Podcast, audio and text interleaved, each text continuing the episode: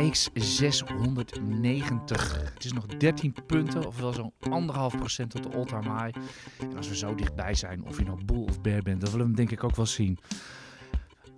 Vrijdag 26 eh, maart zei ik al. Uh, welkom bij de wekelijkse IEX podcast met Niels Koerts, aandelenanalist van, uh, van IEX. Ik ben Aartje Kamp, marktcommentator van, van IEX. Wij nemen weer de beursweek met u door. Ik neem even heel snel de agenda met u door. Wat gaan we in de komende half uur allemaal bespreken? En daarna gaan we de brede markt doornemen.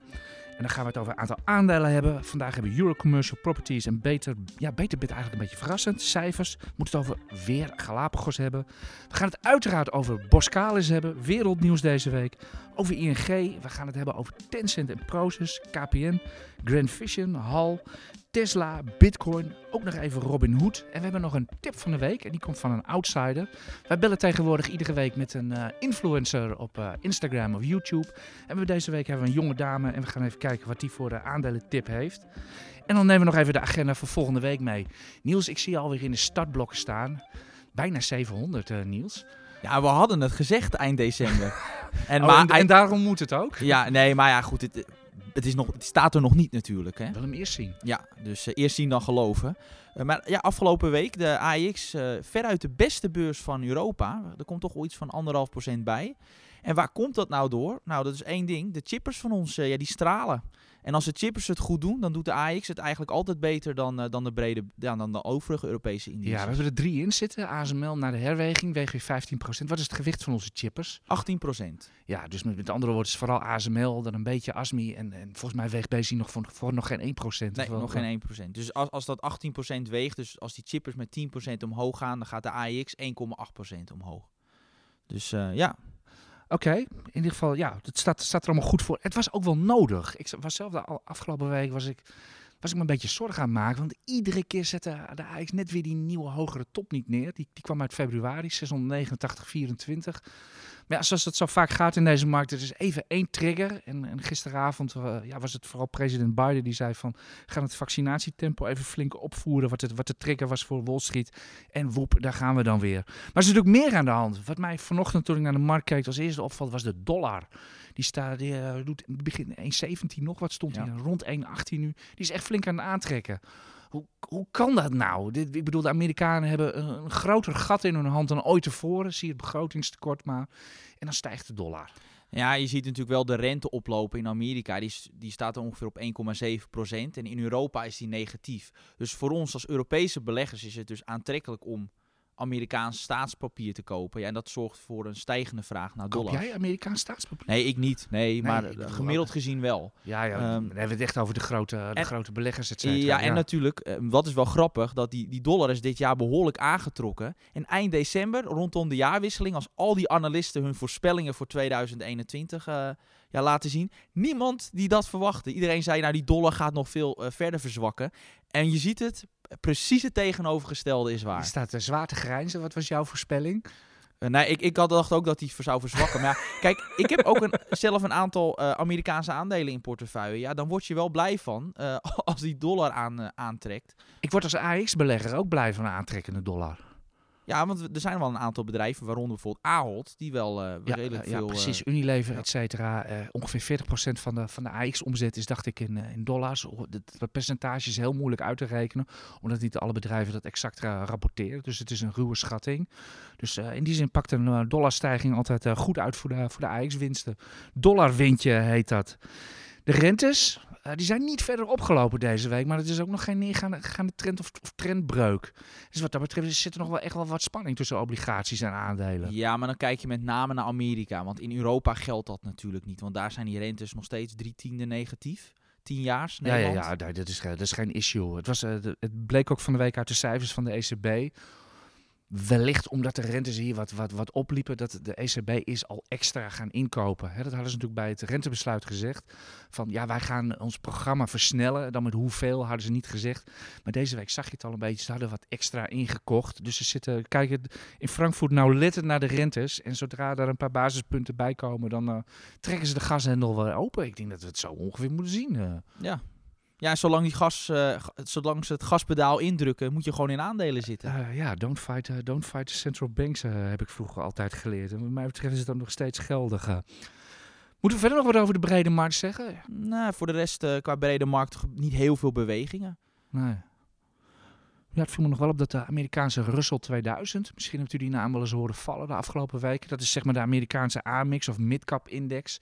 En dan zijn er dan meteen 2000 van. Dus dan gaat het daar op de big board. Eh, die zat in een dip. Ik heb eigenlijk niet gekeken wat het gisteren heeft gedaan. Maar het zal me niet verbazen die ook weer is opgeveerd. En dan was het toch weer een eh, gevalletje by the dip.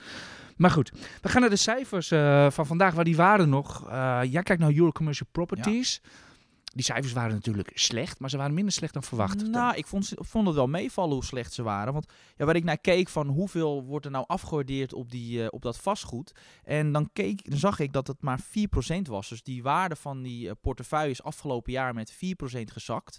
En die netto intrinsieke waarde, dus het eigen vermogen hè, van, van New Commercial Properties zelfs wat opgelopen. Dus dat, dat was best wel, eh, wel positief. Ehm, wat wel, eh, waar met name de markt ook keek, was het dividend. En waar ze voor kiezen is om een deel eh cashdividend te doen en een deel eh, in aandelen.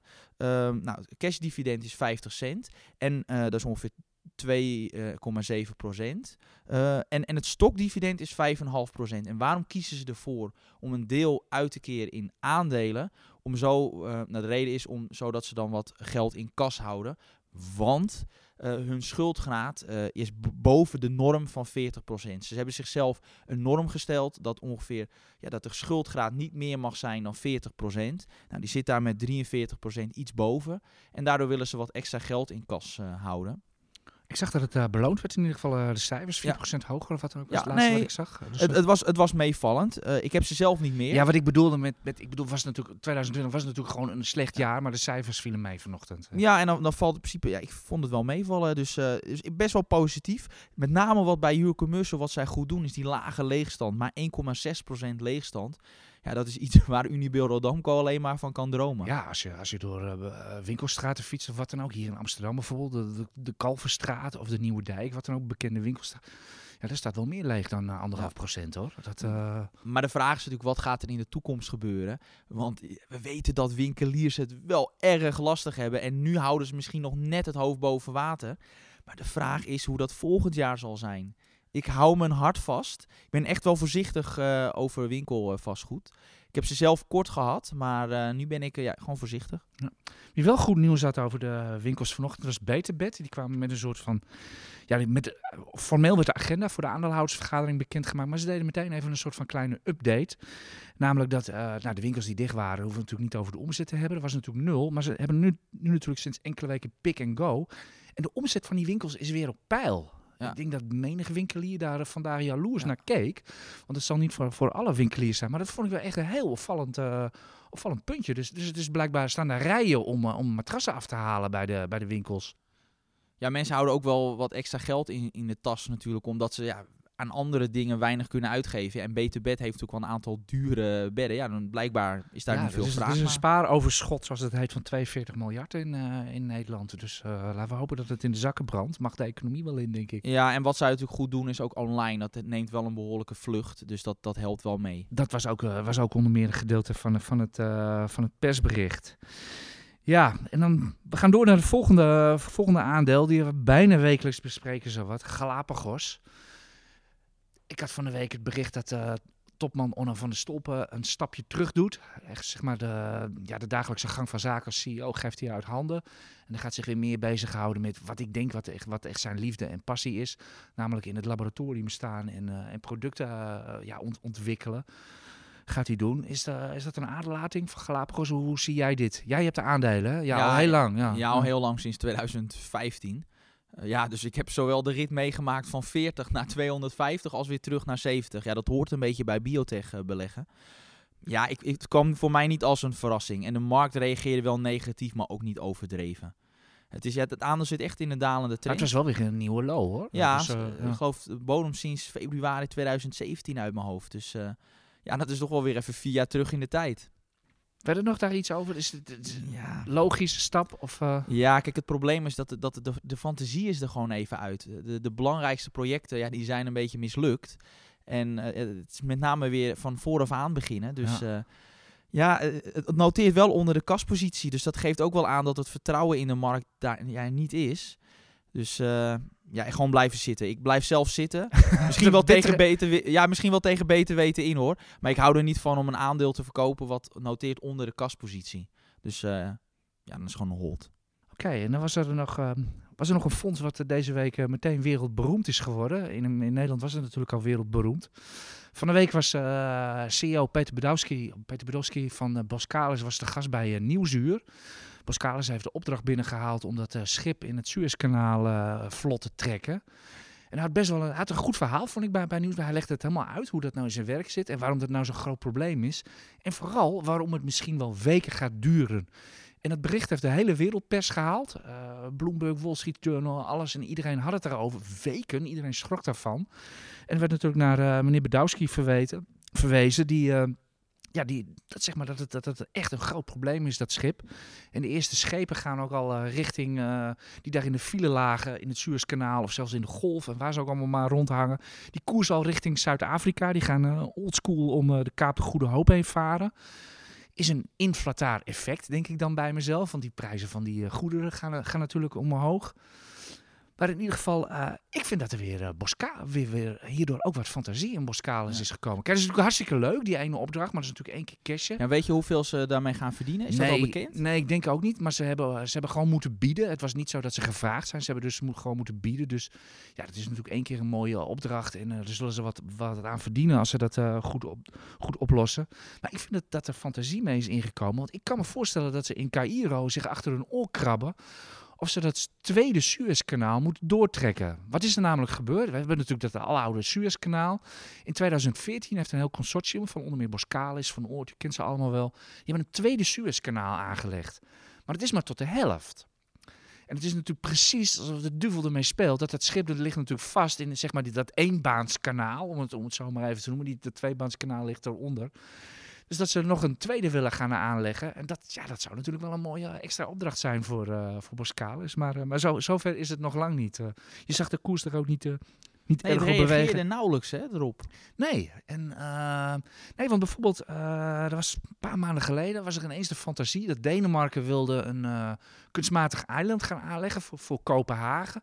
Nou, daar steeg Boskalis ja. echt fors op. Dat ging echt met procenten. En dus met die ogen keek ik zelf ook een beetje naar, uh, naar Suez. Zo van, hé, hey, er komt nu fantasie voor een, ja, zeg maar een derde Suezkanaal, om het, om het er zo maar even te noemen. Maar dat was inderdaad aan, aan de, aan de koers niet, niet af te lezen.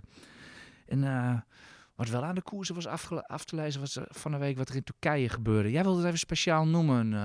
Ja, de lira. Ja, in Europa lijkt het bijna onmogelijk hogere rentes en hoge inflatie, maar in uh, Turkije... Ja, noem eens wat cijfers hoe het in Turkije is. Ja, in Turkije heb je daar een rente, dat geloof ik... 18, toch? Ja, 18 ja. tot 20 procent. Ja, en uh, kijk, er was daar een, een centrale bankpresident die dacht van, nou, ik, we moeten die inflatie uh, ja, temperen. Hoe doe je dat? Door hogere rentes. Alleen, uh, ja, meneer Erdogan is van de andere school. Die zegt van, nee, een hogere rente, dat gaat niet helpen. dus, ja, dus die heeft die man er gewoon uitgekikt. En ja, drie, drie, in anderhalf jaar tijd drie keer centrale bankpresident ontslaan ja, dat zorgt voor on onrust. Want zo'n centrale bankier hoort onafhankelijk te zijn. Ja, dat is hij in Turkije niet. En ja, dat leidt tot gewoon uh, ja, instabiliteit. Ja, daar houden, daar houden financiële markten niet van. Uh, er is een uh, bekende Nederlandse bank die heeft exposure naar Turkije. Ja, ING. Ja, weer. Ja, pech. ja. Jij lacht erom. Waar, waar, waarom? Ja, kijk, het probleem is... En ja, ik snap niet waarom ze nou in hemelsnaam naar Turkije zijn gegaan. In het verleden, ik geloof dat ze er in 2016 naartoe zijn gegaan. Nee, wel eerder. Tien eerder? jaar eerder, ja. Ja, maar dat was ook echt... Het was natuurlijk booming. Het ging goed met de Turkse economie. Ja, dat was, dat was toen... Ja, toen, toen was, was Erdogan net president. Ja. Of, of in ieder geval premier of wat dan ook. Toen had je echt er, Ergonomics, hoe heet het? Ja. Erdoganomics. Onder, onder, zijn uh, premierschap ging de Turkse economie echt boomen. En uh, ja, in ieder geval ING meende dat ze daar ook mee heen moesten. Ja, ik snap het zelf ook niet. In dat soort landen heb je zeker als, als, als bank, je, je resultaat wordt altijd bepaald bijna door de valuta. En zeker die Turkse lira, die staat al decennia onder druk. Dus ja, dan kan je er nog zoveel verdienen of wat dan ook. Als je die, dat niet goed hedgt. En dat is ook natuurlijk gewoon niet gratis. Nee, want dat is heel duur. Ja, Want ja, omdat ja. iedereen weet dat zo'n munt Ja. nog wel eens zou kunnen Ja, ik dalen. heb, ik heb nog even geïnformeerd bij, bij onze analist Martin Krum, die, die, eh, die eh, ING volgt. Hoe, hoeveel gaat het nou? Nou, eh, ING rapporteert dat niet volledig volgens hem. Er staat ongeveer voor 12 miljard aan leningen uit daar in Turkije. Nou, dat is op de hele portfolio van ING is dat peanuts, 1, 2 procent. Maar hij weet niet of het, het, verslag of de, de data vermeldt niet of dat gehedged is. Dus ja, of ING nou zelf voor opdraait of dat ze dat, ze dat keurig, eh, keurig hebben afgetikt. Dus wat dat betreft is het ook nog een beetje Pandora's box.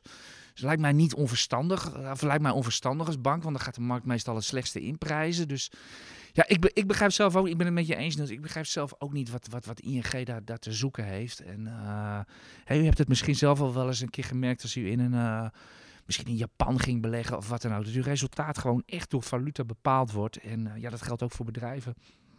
Dus Misschien is het, we gaan, eh, we gaan het zo meteen over een buitenlands fonds hebben. Misschien is het dan wel leuk om even naar onze, ik mag gewoon gast noemen van vandaag. hebben- onze collega Koen Grutters heeft een, heeft een influencer eh, gebeld. En we zijn eigenlijk wel benieuwd wie je hebt. Koen, laat maar horen.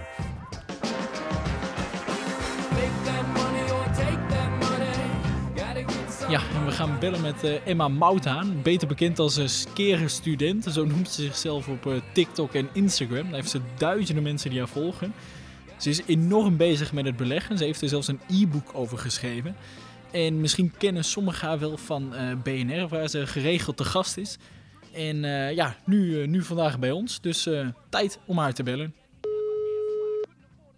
Met Emma? Hey Emma, Koen hier. Als je nu een aandeel zou moeten tippen, welke zou dat dan zijn? Oeh, nou, ik vind het dus best wel een lastige, want zelf beleg ik voornamelijk in eh, indexfondsen.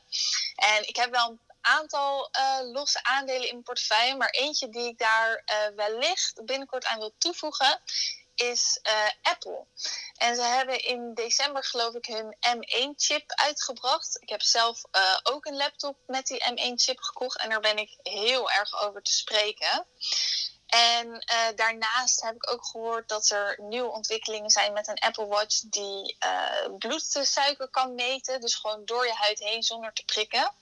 En dat is dan waarschijnlijk niet zo accuraat als zeg maar eentje die echt ingeplucht is eh, voor diabetici, zeg maar. Maar ik denk toch dat mocht dat er echt van komen, dat dat echt ja, wel echt een boost gaat geven aan Apple. En sowieso vind ik het ook gewoon een betrouwbaar bedrijf. Dus eh, die overweeg ik om toe te voegen aan mijn portfolio. Vind je hem niet te duur dan? Eh, nou ja, er zijn natuurlijk heel veel bedrijven die redelijk duur zijn op dit moment. Dus ja, eh, als je aan dollar cost averaging doet eh, en je wil graag een Apple, dan lijkt het me dat het instapmoment voor de lange termijn niet heel erg uitmaakt. Oké, maar op dit moment heb je er dus nog geen aandelen van. Nee, nee. Ik heb wel indexfondsen waar ik natuurlijk eh, in zit, maar niet eh losse aandelen. Nee. Hey Emma, dankjewel. Dat was hem weer. Doei doei! Apple AJ. Wat, Ja, die ik komt kan me voor. herinneren dat jij die... Ik geloof gisteren heb je die Ja, gisteravond. Gisteren deden wij de, deden wij een, de, de tra- Market Trading Day van IG Markets. Daar werkte EEX aan mee. Wij deden, Niels en ik deden daar ook een presentatie. En omdat we beide op Facebook waren uitgekomen als, als een stokpik echt waar, onafhankelijk van elkaar, eh, had ik ook nog maar Apple genomen. En eh, ja, ik kan het alleen maar eens zijn met deze, met, met deze dame. Ik vind eh, zelf Apple een, volgens mij heb jij de term bedacht, een fantastisch defensief groeiaandeel. Of waar, eh, groeiwaardeaandeel. Wat had je ervan gemaakt? Ja, ik vond met name Facebook een defensief groeiaandeel. Defensief groeiaandeel. En bij Apple, maar ook Apple eh, is natuurlijk, ja, mag, ja, is dat nou echt een groeiaandeel? Ja, ze groeien nog wel hard. Maar ook defensief, want als we aan Apple denken, die dure smartphones, ehm, die willen we ook hebben in economisch slechte tijden. Dat het is ook gebleken, omdat het voor met name mijn generatie een eerste levensbehoefte is. Dus daarom zie je gewoon ook dat het bedrijf onder ja, moeilijke economische omstandigheden goed overeind blijft. Dus en eh, eh, gewoon een marsjes weten vast, te- vast te houden. En eh, ja, ik zei het gisteren ook in dat, in dat webinar van bij, ja, bij Apple zit je als aandeelhouder gewoon eerste rang. Het, eh, Tim Cook, de CEO, heeft in de tien jaar dat hij CEO is, heeft hij echt de helft van de aandelen teruggekocht.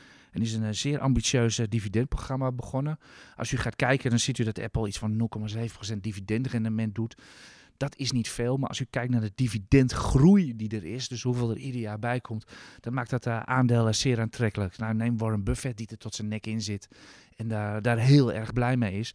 Dus ik vind wat dat betreft vind ik dit een heel mooi aandeel. Zeker in zo'n in, in zo'n markt waarin toch wel technologie heel erg duur is. En dan met name bedrijven die geen geld verdienen. Dus ja, mocht dat helemaal fout gaan, dan zit je bij een bedrijf als Apple gewoon heel goed. Omdat daar nou wel gewoon geld voor je verdiend wordt. En het ook naar je toe komt als uh, aandeelhouder.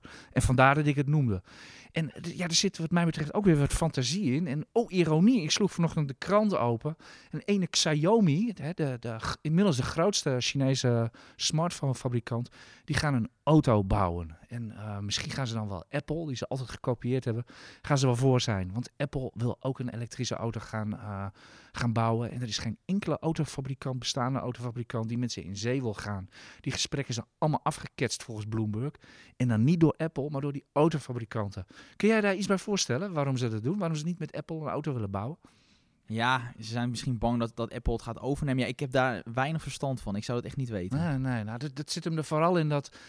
Ja, Apple, uh, die hebben natuurlijk een onderhandelingspositie van hier, uh, weet ik veel waar. Die leggen gewoon alle risico's bij jou als fabrikant neer. Hè. Jij mag die auto gaan produceren, et cetera. Jij mag die fabriek neerzetten. En uh, alle problemen die dan gaan ontstaan zijn voor jou. En de hoge marges zijn voor ons. Voor Apple. En wij leveren de technologie wel. En verder zoek je het maar uit. Dus, dus met name de voorwaarden die, die ze stellen dus, uh, zijn niet echt gunstig. Nee, daar komt het gewoon in feite natuurlijk wel op neer. En die autofabrikanten denken natuurlijk ook bij zichzelf van... ja, wij hebben ook elektrische auto's, zeker tegen die tijd... En dan moeten wij die van Apple gaan maken. Gaan wij ons eigen merk niet cannibaliseren. Tenminste, in ieder geval was een uitgebreid verhaal in, uh, in Bloomberg waarin ik dit zag. En uh, ik kan me er wel iets bij, bij voorstellen met die uh, autofabrikanten. Maar het is wel weer iets van een ja, voorzichtig een one more thing fantasie die je wel weer in het uh, aandeel begint te lopen wat mij betreft. Als er nou echt weer met een, als het nou echt lukt om die auto te heruitvinden, dan kunnen ze er wel weer een cash cow bij hebben. Dus dat zou nog, dat zou nog wat, uh, wat upside zijn aan de andere. En het aandeel is relatief niet al te duur. Uh. Heb jij het ook in portefeuille, Apple? Nee. Jij hebt ze niet. Nee, ik kan niet alles hebben. nee, dat, nee. nee dat, dat, is waar. Maar in ieder geval, van, uh, we gaan naar een, uh, naar een andere groot fonds, Tencent. En ja, dan noemen we al heel snel een Nederlands fonds. Uh, vertel mij even, Niels. Ja, wat was het nieuws deze week? Ja, kijk, Tencent is met cijfers gekomen. Nou, het is bekend dat, dat Proces daar een belang heeft van 31 procent. Ja, 31. En um, ja, die cijfers van Tencent waren wel goed. Alleen die... Die waren prachtig. Die waren prachtig. Ja, ik heb het even opgeschreven. Omzet plus 28%, winstgevendheid plus 32%. Met name dat online gaming, daar zijn ze echt nummer 1 in in China. Uh, 36% groei, dankzij die pandemie natuurlijk.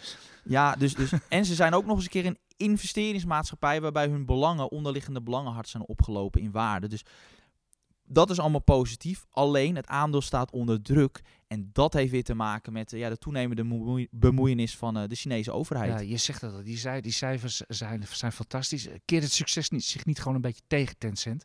Dat ze gewoon te groot en te machtig aan het worden zijn? Ja, dat, dat, dat ziet, Beijing ziet dat wel. Dat, uh, dat zij, ze hebben heel veel takken. Ze hebben aan de ene kant sociale media, gaming zijn zij groot in. En ze zijn nog een investeringsmaatschappij en ze hebben nog fintech bedrijven. Ja, ja, ik kwam ze gisteren toevallig ook tegen. Dat is een, uh, een Chinese evenknie van Robin Hood, de broker. Futu heette dat. En daar hadden ze dan ook weer positie in. En, uh, ja, zij, maar zij hebben ook bijvoorbeeld positie in Tesla bijvoorbeeld. Dus dat is ook wel ook niet, Tencent en NIO en uh, Tesla, ik geloof zelfs 5% dat zij in Tesla hebben. Dus zij dus zijn zo niet echt al te veel focus bij Tencent. Als nou, ik wel op hoor. technologie natuurlijk. Ja. Alleen uh, ze zijn zo groot dat China uh, neigt, dat fintech gedeelte moet al afgestoten gaan worden, is de verwachting. Ik verwacht dat, dat, dat ook het investeringsmaatschappij gedeelte dat dat ook wel apart zal worden Wat gezet. moet je hiermee als uh, proces aandeelhouder? Ja, je hebt ze ook trouwens, Ja. dus zeg het maar. Ja, nee, gewoon aanhouden. Want Proces handelt ook nog eens een keer met een, een flinke uh, discount ten opzichte van de intrinsieke waarde. En uh, het op onderliggend gaat het heel goed met Tencent. En zolang dat onderliggend heel goed gaat, is het geen reden om dat uh, vanwege ja, deze onzekerheid te verkopen. Het is een risico, maar dat wist je ook op het moment dat je Proces koopt. Weet je dat je, dat je ook een belang in Tencent koopt. En weet je ook dat uh, die risico's met betrekking tot die toenemende bemoeienis van Chinese overheid, dat dat er gewoon is. Dus Ja. dat is gewoon een risico. Maar daarvoor, eh, daarvoor hebben we ook mede de grote korting die er in feite ook bestaat op, eh op Proces, hebben we toch ook al verklaard. Mede daardoor. Nou, dat, dat wil ik niet zeggen. Dat komt meer omdat zij eh, in één uh, fonds zo groot zijn en met ook nog een groot belang. Dus, dus daar kan je moeilijk uit in één klap. En daardoor zit daar een discount in. Ja. Overigens, het was eh, van de week wel bal weer eh, met meer eh, Chinese... die Chinese big tech staat aan twee kanten onder druk. Want de Amerikaanse SEC is de... Is de ja, echt de wet aan het uitvoeren. Die zijn eh, heel nauwkeurig naar die Chinese fondsen aan het kijken. En die moeten precies volgens Amerikaanse normen gaan rapporteren. En dat betekent dat ze bijvoorbeeld alle namen uit de, uit de board exact bekend moeten gaan maken. Ook wie daar als partijlid zit. Ik geloof dat dat verplicht is in China. Dat er altijd iemand van de partij in, de- in, de, in de board zit. Dat soort dingen. En dat werd dan ook weer uitgelegd als een probleem voor de, voor de Chinese fondsen. Die gingen ook keihard eronder, op onderuit eh, ja, want, dat- dat- China is er wat minder blij mee met die transparantie. En het zou er uiteindelijk toe kunnen leiden dat, eh, dat die, bijvoorbeeld een Baidu, een, een Alibaba, dat zij hun eh, beursnotering in Amerika verliezen. En als zij hun beursnotering in Amerika verliezen, gaat natuurlijk die waardering van het aandeel omlaag. Want eh, die waardering is wat hoger, omdat zij dus ook een, een notering Ja, hebben ja. in... Tencent is overigens Amerika. niet in Amerika genoteerd. nee, dat klopt. Dus, Maar Alibaba, Baidu wel. Ja. Ik zie trouwens, we hebben nog een heel lijstje aandelen staan, Niels. Dus we moeten een beetje snel gaan. KPN is geen overnamekandidaat meer. Ik was eigenlijk een beetje verbaasd door het nieuws. Leg jij het maar uit. Ik kon, niet, ik kon niet meteen de link leggen tussen dat ze met het ABP gaan samenwerken en dat het dan ineens geen eh, overnamekandidaat ja, meer is. de, de markt. Leg uit. Er kwam wat, wat nieuws natuurlijk naar voren dat zij eh, gaan samenwerken met het ABP. Met het aanleggen van zo'n glasvezelnetwerk. Ehm de kans daardoor op een overname is iets kleiner, omdat de kans. Ik acht het daardoor niet eh, reëel of de kans is kleiner geworden dat bijvoorbeeld investeringsmaatschappijen uit andere landen daardoor gaan eh, ja, het bedrijf willen overnemen. Ehm, dus eh, ja, we hebben daar een uitgebreid artikel over uh, gest- eh, Ja, ja, dat was site. natuurlijk wel aan de orde afgelopen jaar. Er Ja. vielen diverse keren een naam van inderdaad een investeringsmaatschappij die KPN al dan niet wilde kopen. Ja, dus, eh, dus die kans Die willen iets gewoon klein- niet een ABP aan boord hebben. Of Nee, nee, dus, dus, maar het valt ook allemaal wel weer mee. Want die koers ging, eh, toen dat nieuws bekend werd, even min 11. Maar dat liep er ook wel weer redelijk Dat, snel was, dat uit. was een hele rare beweging eh, op opening. Dat was waarschijnlijk een vette vinger. Of we- we- wat, bedoelen Nou, met, wat bedoelen met een vette vinger? Dat er gewoon een, een, een handelaar of een huis of wat dan ook gewoon even heel erg eh, scheef is gegaan per ongeluk. Ja. En het zag er heel raar uit. eh. het was een enorme omzet. Ja. En, eh, maar het was ook niet, weer niet een rechte streep. Nee, het was gewoon ik, misschien iemand die het nieuws verkeerd gelezen heeft. Die dacht van oké, dit betekent geen... Kijk, e- een overname kan nog steeds. Misschien een, wij, wij denken nog steeds dat een, een Deutsche Telekom eventueel een, een kandidaat is. Ehm, ook omdat zij hun Nederlandse tak hebben verkocht. Dus dan is er ruimte om, eh, om, misschien KPN over te nemen. Maar anderzijds, het, het zit wel al redelijk in de koers, die premie, die overnamepremie. Want het aandeel krimpt. Daar waar bijvoorbeeld een Deutsche Telekom groeit en is veel duurder ook. Dus het zit er al in. Dus ik weet niet of bedrijven zo happig zijn om, om nu te bieden. Ehm, maar goed, het blijft wel een overnamekandidaat. Zeker. Zal g- niet een al te dikke premie opkomen. Gaan we nog een premie zien eh, op de overname van Grand Vision? Het is er eindelijk, na bijna twee jaar eh, doorheen, het mag van, eh, van Europa. eh EssilorLuxottica, moeilijke naam om uit te spreken, mag Grand Vision overnemen. Destijds was er, twee jaar geleden, was er een 28 euro was het? Ja, dat is nu 28,42. Ja, want dat is het zo lang duurt. Oké, is dat door dividend? Of, Nee, dat is eh, meer met tijdswaarde heeft dat te maken. Dus er was gewoon een afspraak. eh, duurt het langer dan één jaar, dan betalen we 28,42. Ja, maar de koers liep maar op tot, wat was het, 26,60 ongeveer? Ja, ja, dat is ongeveer de prijs dat, dat wij verwachten als desk eh, wat het gaat worden. Anderzijds zou ook Hal wel eens zijn poot stijf kunnen houden. Want ja, we kennen Hal. Dat is een, een investeringsmaatschappij die echt het laatste dubbeltje Ja, eruit die, wil ja, die rekenen tot 10 cijfers achter de komma. Ja, en dus- doen eh, ook over die laatste cijfer nog moeilijk. Dus eh, Dat wordt spannend. de- zie jij het er nog op afketsen? Of Die kans is klein hoor. Want Hal wil het toch echt wel kwijt? Ja, en Essilor heeft wel echt, echt wel de stappen genomen zodat ze die goedkeuring krijgen. Ze hebben er alles aan gedaan. Hal heeft Ja, er een belang bij. Alleen al in Nederland 142. Ik wist niet eens dat zoveel Ja. harde iWishes die in de verkoop gaan. Ja. 142 winkels verkopen ze om het. Ja, dus, dus, dus, willen het echt hebben. ja, dus. Essilor doet er alles aan om het te krijgen. Er is nu goedkeuring en Hal heeft er een belang mee om er vanaf te komen. Dus ja, 1 plus 1 is 2. Oké, Dus, maar doe even. maar de prijs, ja, Durf jij een prijs te noemen? ja, ik zei eerder 26,50, maar als ik kijk naar de marktprijs, misschien, misschien wordt het 27,5 of zo. Maar het, is, het is om die laatste euro. Ik denk niet dat veel beleggers er meer in zitten.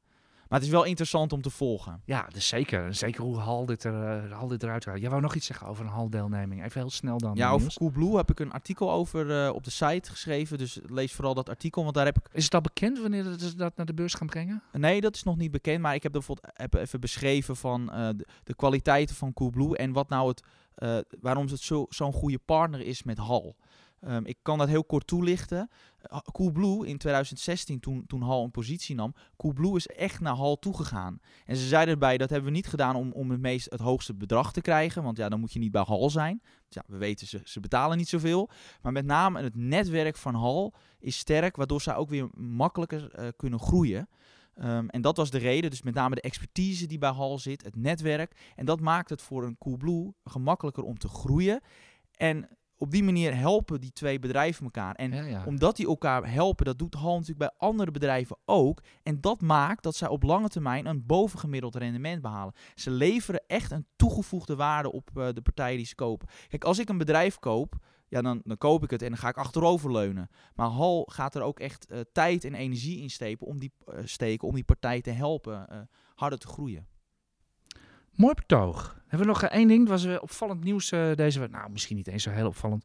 Je kunt uh, tegenwoordig Tesla's kopen. Nou, nog niet in Europa, maar dat moet binnenkort ook kunnen. In bitcoins. Ja. Heb jij het al gedaan? Nee, maar ik heb dat geld er ook niet voor. Nou wel, nee, nee, dat heb ik niet. Ik zou het er ook niet voor over. Ik vind de auto's weggegooid geld. Maar goed, dat is een ander verhaal. eh. Ja, kijk, ik, ik, het hoort een beetje bij zo'n storystok. Ze willen toch het nieuws weer pakken. En, en dat doe je, want ze zien natuurlijk ook dat die koers omlaag gaat van Tesla. Ja, dan willen dit en soort van VW omhoog. en van VW. En nog, want ik heb even gekeken.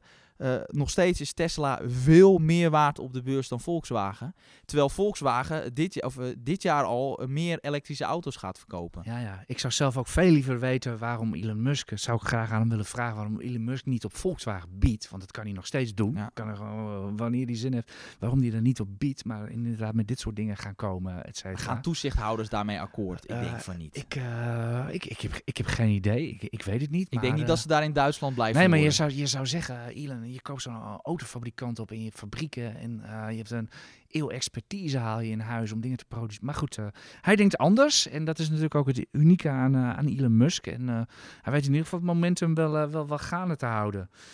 Ik zie trouwens, ja, we hadden, we hadden eigenlijk nog wel meer op ons, ons lijstje ja, we staan. Zijn door maar de we, tijd heen. we zijn door de tijd heen. We willen ons echt wel een beetje aan die, aan die 30 minuten houden. Anders is uw autoritje voorbij. Of uw wandeling met de hond. Of wat u ook maar doet als u naar deze podcast uh, luistert. Nog even heel snel de agenda voor volgende week. Het kwartaal loopt af. We hebben uh, eerste week van de maand is het altijd. Dan hebben we inkoopmanagers, indices en banencijfers uit de, uit de VS. Ik ben heel benieuwd naar die inkoopmanagers in. Want die vielen toch een partij mee deze ja. week. De eerste schattingen uit Duitsland, Frankrijk en, en de VS. Dus... En het winstwaarschuwingsseizoen begint. dus uh, wie weet. Ik denk dat je daar niet zoveel van voor moet stellen. Want het bedrijven zijn natuurlijk allemaal heel erg voorzichtig geweest in hun, uh, in hun outlooks, et cetera. Dus uh, ik ben wel benieuwd of er autofabrikanten gaan winstwaarschuwen. General Motors heeft het eigenlijk al een beetje verkapt gedaan. Want door het chiptekort uh, echt wel problemen aan het ontstaan zijn. Productielijnen liggen plat. En er zijn maar meer uh, autofabrikanten dat de productielijnen platgelegd worden. Dus uh, wie weet gaat daar wat vandaan komen.